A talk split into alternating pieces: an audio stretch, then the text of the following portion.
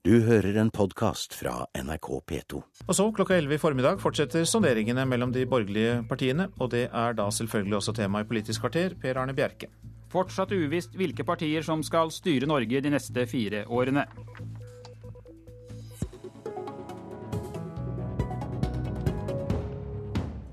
Heller ikke i går ble det altså noen avklaring på hvem som skal sitte sammen i den nye regjeringen.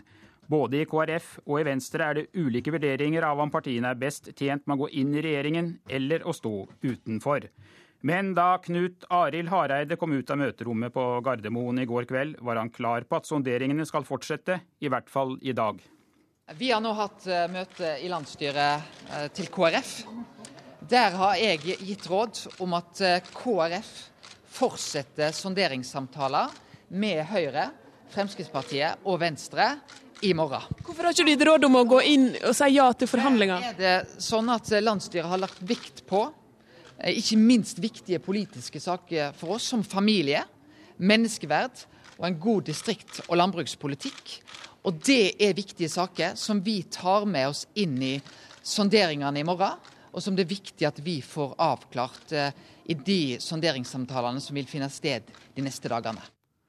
Kommentator og utviklingsredaktør i Vårt Land, Åshild Mathisen. I avisen i dag skriver dere at Hareide ba partiet si nei til resultatet slik det nå foreligger. Samtidig ba han om at sonderingene fortsetter. Hva er det han håper å oppnå med enda en runde? Ja, eh, han eh, kan jo selvfølgelig håpe på eh, store politiske innrømmelser fra Erna Solberg. I eh, I tillegg så, eh, så, viser han jo eh, de som virkelig ønsker å gå inn i regjering, at han nå gjør absolutt alt som står i sin makt for å finne sammen. Politisk kommentator i NRK Magnus Takvam, hvor stor er egentlig motstanden mot regjeringsdeltakelse i Kristelig Folkeparti? Det er jo kjent fra før at det er uh, sterke miljøer i Kristelig Folkeparti som er eh, veldig skeptiske til å samarbeide med, med, Fremskrittspartiet. Alle husker dette oppropet fra en del uh, KrF-politikere som var særlig aktive i Bondevik-perioden, som advarte mer av si, ideologiske grunner prinsipielt mot et samarbeid Eh, samtidig så er det også grupper som først og fremst er opptatt av eh, konkret politisk gjennomslag og innflytelse etter å ha vært eh, åtte år eh, i den berømte skyggenes dal under den rød-grønne regjeringen eh, da, og som, eh, som, føler at de kan oppnå en del mer ved å gå inn i regjering. Men jeg tror frontene i forhold til akkurat dette spørsmålet er omtrent som før, og at det er stor, i sum stor skepsis eh, til å gå inn eh, i en regjering med Frp, særlig denne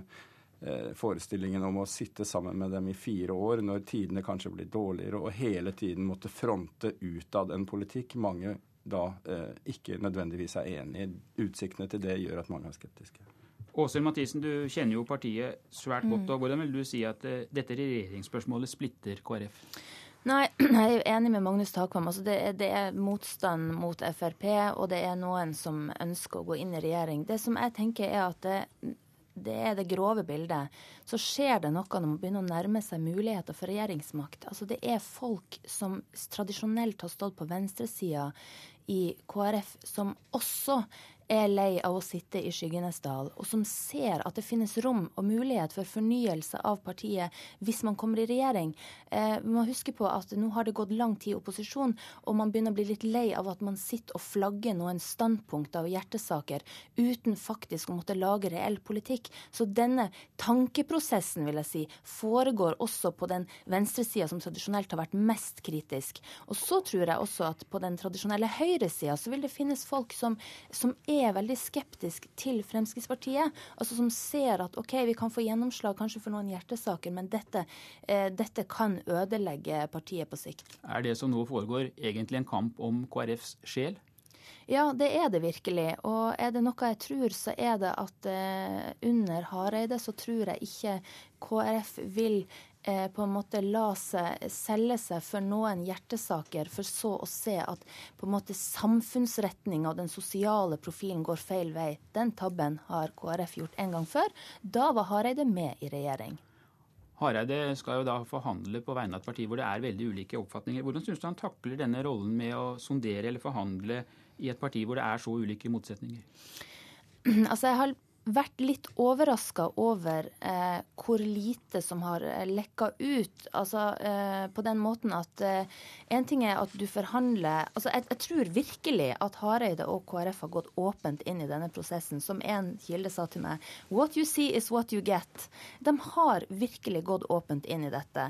Men jeg syns det er litt rart at man ikke har eh, fremstår som man har operert litt med en plan A og en plan B, og vært litt strategisk ute i media. For du skal faktisk også forberede eh, på en måte disse to alternativene og, og sannsynliggjøre f.eks.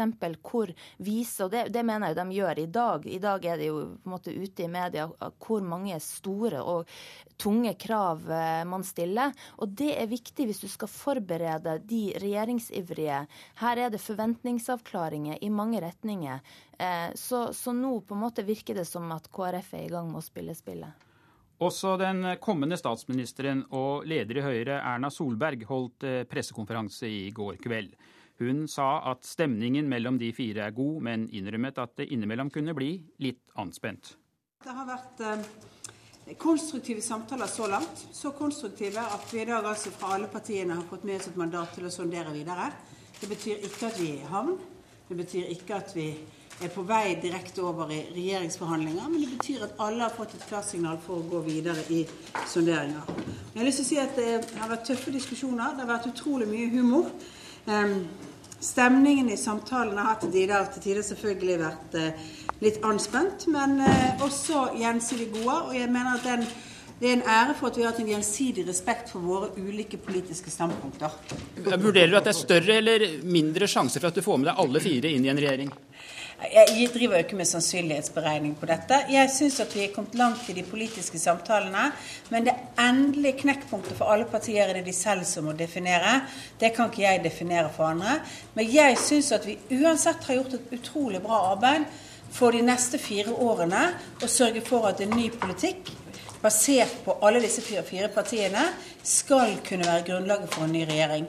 Om det betyr at alle fire sitter, eller om det bare blir noen, som sitter igjen i, de, i den regjeringen, så har, har, vi nå kartlagt og lagt til grunnlaget for at denne regjeringen skal ha et godt forhold og kunne realisere felles politikk mellom disse fire partiene. Vil det være tilfredsstillende for deg å ha en samarbeidsavtale med to av partiene, slik Kåre Willoch hadde i 1981?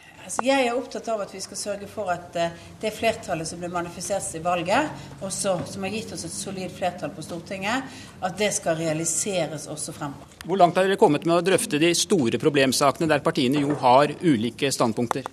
Vi har drøftet mange saker, men vi kommer ikke til å kommentere enkeltsaker. Erna Solberg, da jeg snakket med henne på pressekonferansen i går kveld. Magnus Takvam, hvorfor legger Solberg så stor vekt på å få med seg alle fire inn i regjeringen? Det er for, selvfølgelig for å i de neste fire årene ha et uh, trygt styringsgrunnlag i Stortinget. Uh, en mindretallsregjering mellom Høyre og Frp er jo da en uh, mindretallsregjering uh, på en, en, fløy i Stortinget, som hele tiden da per definisjon må gå inn mot sentrum for å få flertall i ulike saker. Og det er klart at når, når motvindene kommer i, i økonomi og andre ting, når det blir vanskelige prioriteringer å gjøre, så møter hun f.eks. Eh, da eventuelt eh, to sentrumspartier som har eh, ganske stor makt i Stortinget, selv om de i prinsippet kan slutte seg til en slags lojalitetserklæring i utgangspunktet. Sånn at alle ser at det fra hennes styringsståsted er en stor, eh, stor, fordel. Også det faktum, eller det, det, strategiske målet, å holde sentrumspartiene knyttet nettopp til et borgerlig prosjekt i mer enn fire år, eh, mener vel hun er lettere hvis de er innenfor enn hvis de er fristilt utenfor. Er det nå vi ser et slags forhandlingsspill der det er om å gjøre å vise at det er svært vanskelig, og at alle strekker seg langt for å få til en løsning, slik vi kan oppleve det i lønnsoppgjørene en sen nattetime hos Riksmeklingsmannen?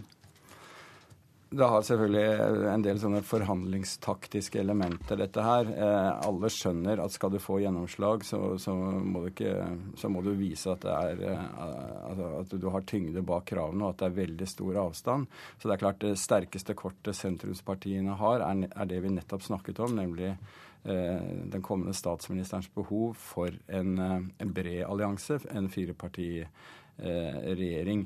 Men jeg tror du, man tar feil hvis man sammenligner med en økonomisk forhandling, fordi det er verdispørsmål, det er prinsipielle mm. spørsmål som er mye mer krevende å få et kompromiss rundt. Du kan ikke både være snill og slem på samme tid, for å si det sånn. Venstreleder Trine Skei Grande var svært sparsom med opplysninger da hun kom ut fra møtet med landsstyret i går kveld. Hun hadde heller ikke i detalj fortalt landsstyret om innholdet i sonderingene. Har ikke lagt fram noe sånn der. Dit har vi kommet i forhandlingene. Eh, det var ikke poenget med dette møtet. Poenget med dette møtet var å høre hva organisasjonen tenkte i forhold til de ulike alternativene. Hva organisasjonen syntes var de viktige sakene Eh, der kom det ikke så mye uventa nye ting. Eh, det er de kjernesakene vi har drevet valgkamp på, som er de, de viktige sakene også for vårt landsstyre eh, inn i disse forhandlingene. Så er det veldig hyggelig å se at vi har fått veldig stor støtte som forhandlingsteam. Åshild Mathisen, hvor viktig er det for KrF og Venstre å stå sammen i disse sonderingene? Det er svært viktig. Man er sterkere når man står sammen, om det blir inn inne i regjering eller når man går ut. Og hvis man går ut, så tror jeg at eh, det både Skei Grande og Hareide ønsker seg, er en felles pressekonferanse der de forklarer politikk, det politiske grunnlaget for at de var nødt til å bryte ut. Magnus Takvam, kan det tenkes en løsning der KrF bryter eh, sonderingene, mens Venstre fortsetter sammen med de to andre? Jeg tror ikke det, selv om ingen i verden kan man ikke utelukke noen ting. Men jeg tror nettopp eh, det vi så i går, var en situasjon der eh, KrF eh, er nødt til å avvente hva Venstre bestemmer seg for i disse sonderingene, før de tar et standpunkt. Og jeg tror de er veldig opptatt av å å holde sammen. Eh, fordi også da, eh, hvis du tenker i 2017, så vil sentrum, hvis det går hver sin retning i forhold til regjeringsspørsmålet, bli desimert og splittet og stå i fare for ikke å ha nettopp den maktposisjonen de kan se for seg som, som, en gruppering på vippen i Stortinget, som jo gir en veldig stor strategisk makt. Jeg tror det er viktig for disse to partiene å ikke bli oppfattet som om de er for evig og alltid en del av en borgerlig, høyreorientert eh, blokk. Lederen for det fjerde av eh, sonderingspartiene, Siv Jensen, hun fikk full oppslutning da hun møtte partiets sentralstyre. Hun er klar til å erstatte sonderingene med forhandlinger om et regjeringsprogram. Vi har et enstemmig sentralstyre som eh, har gitt sin tilslutning til at Fremskrittspartiet går videre i forhandlingene med andre partier. Magnus Tvakam, er det helt sikkert at Fremskrittspartiet kommer inn i regjeringen? Det, jeg tror det er uh, relativt sannsynlig, slik, slik uh, kortene er delt ut nå.